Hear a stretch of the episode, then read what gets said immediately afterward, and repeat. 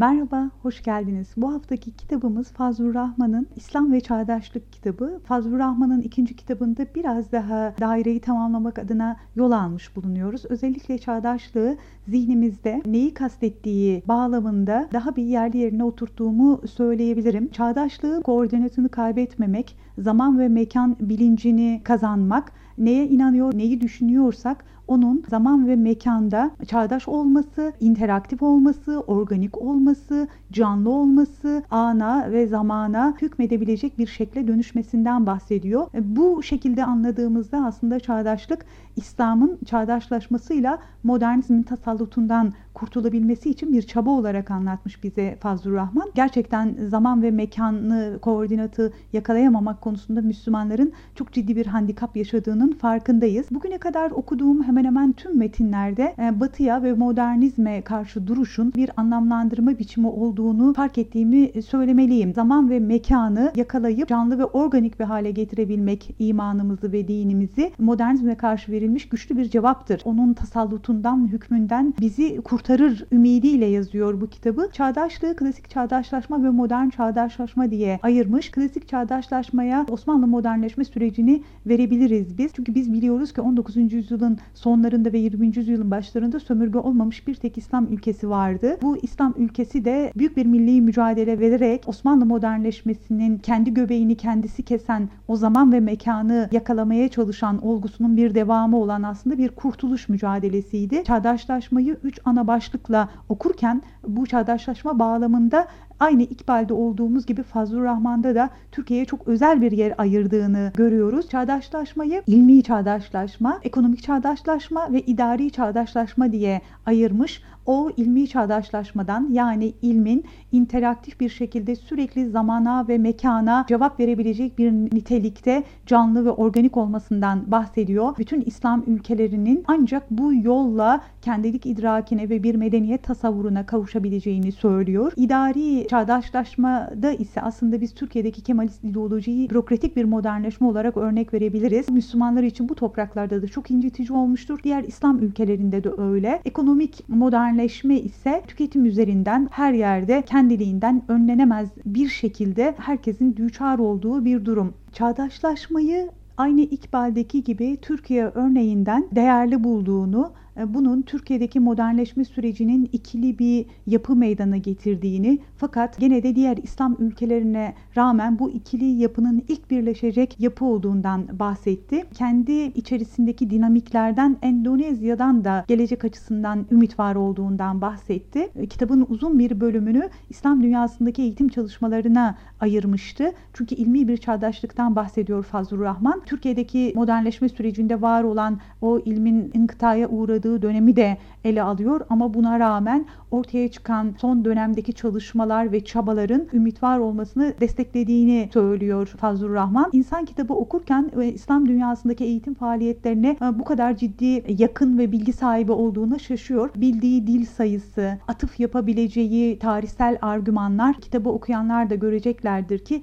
devasa bir hafıza, devasa bir entelektüel bilgi e, gerektiriyor. Biz doktora tezinin e, ve çalışma yaptığı, makaleler yazdığı alanların Molla Sadran tutun da Sina psikolojisine varıncaya kadar detaylı parametreler olduğunu görüyoruz. Fazlur Rahman'ı ele alırken e, bütün bu bilgi birikimleriyle anlatmak istediği şeyi gayet teorik, çatışmacı veya çok tepki almayacağı bir dille de söyleyebileceği bir sınırda tutabilirdi diyorum kendi içimden. Mesela İkbal 1930'larda daha kolay yenilir yutulur olmayan şeyler söylemiş olmasına rağmen bunları teorik bir dille söyleyip pratikte cepheleşmeye sebep olan e, çözümler veya ayrışmalar olarak nesnelleştirmediği için bu tepkiyi almadığını görüyoruz. Ama Fazlur Rahman Pakistan'daki hukuk sistemi kurulurken realleştirmek zorunda kaldığı düşüncelerinden dolayı e, hakkında ölüm fermanı verilmiş, düşüncelerini açıkladıktan sonra ülkesinden kaçmak zorunda kalmış bir insan olarak görüyoruz. Yaşadığı dönemi okurken ortaya çıkardığı düşünceleri realize ederken bunu pratikteki yansımalarıyla açıklayan yaşayan herkes ister keşfi kadimi savunmuş olsun,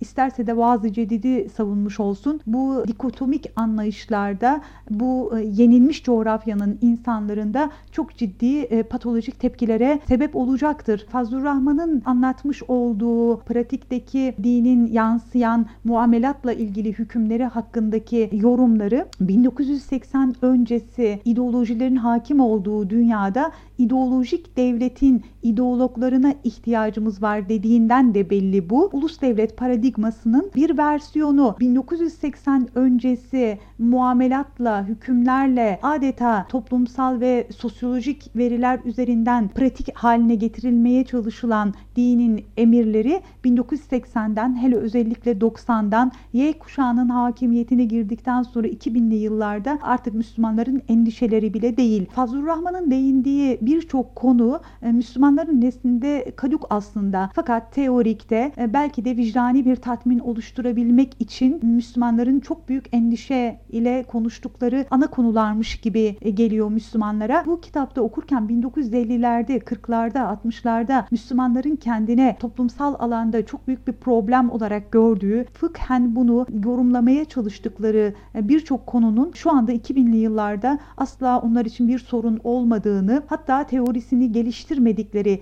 ilmin cevabını endişe etmedikleri halde dinin demokratikleşmesi sonucu maalesef çoktan bu konuda toplumun kendisinin bir icma ile olayı çözdüğünü görüyoruz. Kadınların çalışması, kadınların hangi yerlerde okuması gerektiğine, kadının şahitliği konusuna varıncaya kadar hukuksal normlarıyla kendi yaşadığı dönemde bir şekilde hale yola sokulmuş. Hala toplumsal dinamiklerle algılanan bir dönemde dinin muamelat algısı önemli bir parametre olarak bizim o yaş skalasını yaşayan insanlarda da önemliydi. Fakat postmodern dönemde bireyselleşen relativizmin ve toplumsal algıların ve ideolojilerin hakimiyetlerinin bittiği, çoğulculuk üzerinden bir döneme girildiğinin izlerini gayet yaygın bir şekilde e, görüyoruz. Fazlur Rahman'a şu anda yaşadığımız konteks üzerinden tarihsel bir bakış olsun. İlmi çağdaşlaşmayı savunan Fazlur Rahman e, bize savunduğu metot her ne kadar şekil bakımından yeni ise de unsurları tamamen gelenekseldir diyerek geleneği yeni bir üslupla söylemekten bahsediyor diyebilirim. Çağdaşlaşmayan din algımızın ve inancımızın 1400 e, yıllık e, Müslümanların tarihsel sürecinin dokümantal olarak ortaya sağlıklı bir şekilde dökülememesinden kaynaklandığını söylüyor. Hafızasının yazma eserlerinin çok ciddi bir şekilde ele alınamamasından dolayı tekrar yeniden yeniden üretilebilen e, ve kendi zamanına cevap verebilen unsurunu da burada kaybettiğinden bahsediyor Fazlur Rahman. Kur'an merkezli bir metottan bahsetse de onun çözüm olarak sunduğu şey kelamın tekrar çağdaşlaşmasıyla ilgili, kendini yenileyebilmesiyle ilgili bahsettiği çözüm. İyi bir İkbal okuyucusu İkbal'in 1930'larda kelamı tekrar yenileyebilmek ile ilgili çabasını görür, fark eder. Kitapta da İkbal'e bu açıdan atıf var. Kelam dediğimiz şey inandığımız Tanrı'yı kavramsal ve anlatılabilir bir şekilde tekrar yerli yerine koyabilmek. Yani bir olmasının ne anlama geldiği, peygamberliğin ne anlama geldiği, vahiy almanın, cennet ve cehennemin ne anlama geldiği, dinin ana unsurlarının tekrar yeni bir tanımlamayla yaşadığı yüzyılda bir anlam bütünlüğüne, bir ifade bütünlüğüne, insanlara cevap olabilecek bir şekilde bir tanımlamaya dönüşmesinden bahsediyoruz. Kelamın her ne kadar eşari, mutezile, maturidi yorumları olsa da kelamın kendi tarihsel süreci dokümantal olarak ortaya çıkmadığından dolayı kendini yenileyemediğinden bahsediyor ve İslam'ın fıkhi alana sıkışıp fıkhın din gibi, iman gibi algılandığı kısır bir evreye girdiğinden bahsediyor bize. Kelamın çağdaşlaşması, yeni tanımlarla insanlara hitap etmesiyle ilgili gerekliliği insanın evreni, kozmoloji okuma bilgisinin değişmesiyle ilişkilendirebilmeliyiz. Ya felsefe ya da evren bilim, kozmoloji, din, ideoloji veya düşünceler orası üzerinden yeni bir anlam bütünlüğüne dönüştürürler kendini. Newton fiziği merkezli bir dünya algısının oluşturacağı tanrı tanımlamasıyla kuantum fiziğinin veya zamanın izafiyeti üzerinden ki biz bunu İkbal'de çok fazla okuduk. Dördüncü boyut zaman algısı hatta mekanın zamanın bir türevi olmasına dair fiziğin değişmesiyle insanın tanrı algısının, peygamber algısının, vahiy algısının, akıl algısının hatta insan algısının, insan ve tabiat algısının da değişeceğine dair yani kelamın Tanrı'nın varlığı değil, Tanrı'nın varlığını anlamlandırma biçimimiz bizim evreni anlamlandırma seviyemizle ilgili bir şeydir. Kendisinin getirmiş olduğu Çözüm ise lütfen bir üçgenin iki çizgisini düşünün. Saç ayağının bir tanesine ilk dönem İslam algısı olarak yerleştirin. Dini literatürde biz buna asr-ı saadet diyoruz. Diğer sac ayağına ise yaşadığımız dönemdeki koordinat, zaman ve mekan gerçekliği diye düşünün lütfen. Bu sac ayağındaki var olan yaşanmış rasyonel, tikel ve gerçeğe cevap üreten dinin o zeminine tarihle gitmeliyiz diyor. Tarihle, sebebi nüzullarla o dönemde zamana ve mekana cevap verip insanların akın akın dine girdiği, yeryüzünde yaşamalarının insanca onuruna cevap verdiğine inandıklarından dolayı bu dine doğru gelen çünkü dünyada yaşamanıza anlam ve cevap ürettiğine inanırsanız kitleler halinde o inanca doğru gidersiniz. Bu parametreye bizim ancak tarihle gidebileceğimizi, tarihle gitmenin kadim dönemde sebebi nüzullarla o dönemle ilişki kurabileceğimizden ve o dönemde yaşanan gerçekliği bir soyutlayarak ilkeler düzeyinde sebebi nüzulları ile ilişkilendirerek tikeli tümele doğru taşımak, olan biteni soyutlamak ve ilkesel düzeyde tanımlamak diyebiliriz. Bunu e, tekrar ikinci sacı ayağı olarak yaşadığımız döneme bu ilkeleri, tümelleri ve esmaları şimdi bu gerçeğe nasıl yapılabilir bir şekilde, uygulanabilir şekilde dönüştürebiliriz dediği yöntemi de tekrar sosyolojiyle gerçekleştirmeyi bize öneriyor. İlmi e, yöntem bir usul olduğunu söylüyor bunu. E, Kur'an'a tümel bakabilmek, bütünsel bakabilmenin de bunun ana unsur olduğunu söylüyor. Aradaki geçişi ise ahlakçıların eksiği tamamlayacağından bahsediyor. Tabii ki çok eleştirilebilecek unsurları var. Bunlardan bir tanesi de eğer Gadamer merkezli bakarsak bizim ilk dönem İslam algısına gittiğimiz çağdaşlık düzeyinden kendi ön yargılarımızdan bağımsız nasıl gidebileceğimize dair bir sorun var. Kitapta da bu soruna değiniliyor aslında. Gadamer bunun imkansız olduğunu, insanın kendi konteksinin dışına çıkamayacağını, kendi ön yargılarından yatsınamayacağından o yüzden de asr-ı saadete 2017-18'den gitmeye çalışan bir insanın ki bu e, yöntem olarak Vehhabiliğe, Selefiliğe hatta fundamentalist bir İslam algısına tezahür eder. Bir dipnot olarak Fazlur Rahman'ın bunları asla önermediğini, bahsettiği şeylerin asla bunlar olmadığını, 1400 yıllık Müslümanların tarihsel sürecini asla yazmadığını, Kur'an'la kurulacak lafsi bir bağdan bahsetmediğini söylemeliyim. Gadamer'in e, insanın kendi konteksinden bağımsızlaşamayacağı görüşünün yerine insanın o dönemde duygudaşlık kurarak ve tarih bilgisini çok fazla artırarak o dönemdeki olup bitenle bir temas e, kurabileceğini söylüyor ve bundan yana inisiyatifini kullanıyor Fazlur Rahman. Kur'an'ın İslam'ın ilim yöntemi olarak bugüne kadar ilmi tarihsel süreçte bir ders olarak okutulmadığından bahsetti Fazlur Rahman. Kitap Müslümanların yüzlerce yıldır var olan eğitim yöntemleriyle ilgili ciddi bilgiler içeriyordu. Kendisi ise sebebi nüzullarla ele alınan ve bir bütünlük olarak Kur'an'ın tümünün ilkesel bazda ele alınmasıyla ilgili e, bir yöntemi önerdiğinden o bağlamdan günümüze gelmekle ilgili bu üç sacı ayaklı bir çözümden bahsettiğini söylüyor. Bunların hepsi tek tek e, eleştirilebilir ama biz Fazlur Rahman'ın kendisinin ne demek istediğine dönüp bakmaya çalışıyoruz. Onu anlamaya çalışıyoruz. Fakat e, ağırlayacağımız misafirlere aklımıza gelen soruları tek tek not etmeye başladık. Zamanı gelince sizlerle de paylaşırım. Fazıl Rahman Türkiye modernleşmesinin ve klasik çağdaşlaşmanın ümmet için bir ümit olacağından bahsederken çağdaşlaşmaya Mecelle'nin ne kadar önemli bir örnek olduğundan bahsetti. Demek ki yapılabiliyormuş dedi hatta. Biz kitapta çağdaş İslami düşünceye dünyanın dört bir tarafından isimler vererek onları tahlil eden onlarca sayfa okuduk. Bu Fazlur Rahman'ın sadece felsefik düşünce tarihi, Müslümanların ilmi literatürüne sadece vukufiyeti değil, aynı zamanda çağdaş yüzyılda var olan isimler üzerinden yerel anlamdaki yönetimdeki ilmi çözümlemelere ve yöntemlere varıncaya kadar tahlili Fazlur Rahman'ın ne kadar teorik kalmadığının da bir göstergesi. Bize pozitivist dünya anlayışının ki biz modernizmi en çok bu merkezden eleştiririz.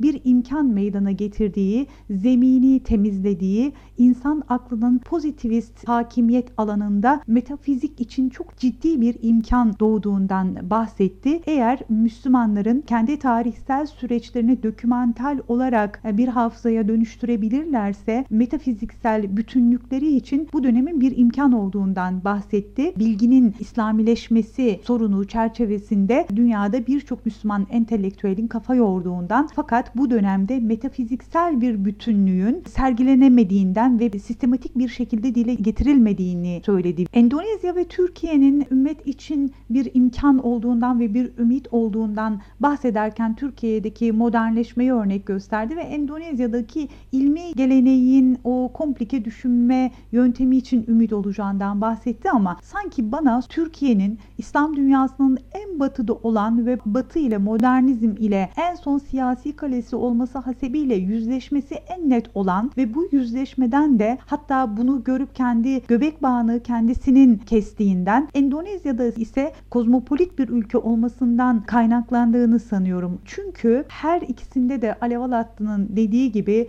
deplasmanda kendini ifade edebilen, kendisini kendisi gibi olmayanlara da ifade edebilecek yetkinlik ancak ümidi olabilir. Yoksa fanus e, kapalı devre, mekanik algı içerisinde üretilen din algısı yeryüzüne bir vaat olarak bir imkan olarak herhangi bir çözüm sunamayacaktır. Eski çağdaşlaştırılmalı, e, yeni ise İslamileştirilmeli dedi. Kur'an'ın yeryüzüne çözüm getirirken ahlakla hukuk arasındaki ilişkiyi yeryüzünde kurulabilecek en yüksek düzeyde kurduğu için adalet hissi veya vicdan tatmini meydana getirdiğinden söylemiş olduğu şey yasal olanla helal olanın veya haram olanla yasak olanın yani toplumsal algıyla vicdani algı arasındaki uyumun bir ahenge dönüşmesinden ve bunun da makasın uçları ne kadar açık olursa insanda adaletsizlik hissi meydana getirir ve güven hissi zedelenir. Bu hissi kim sağlar ve bu açı en aza hangi düşüncede, hangi ideolojide, hangi inançta sağlanabilirse bu açının azlığı örtüşmesi mümkün değil ama bu açı azaltılabilir. O ideolojiye, sisteme ve inancı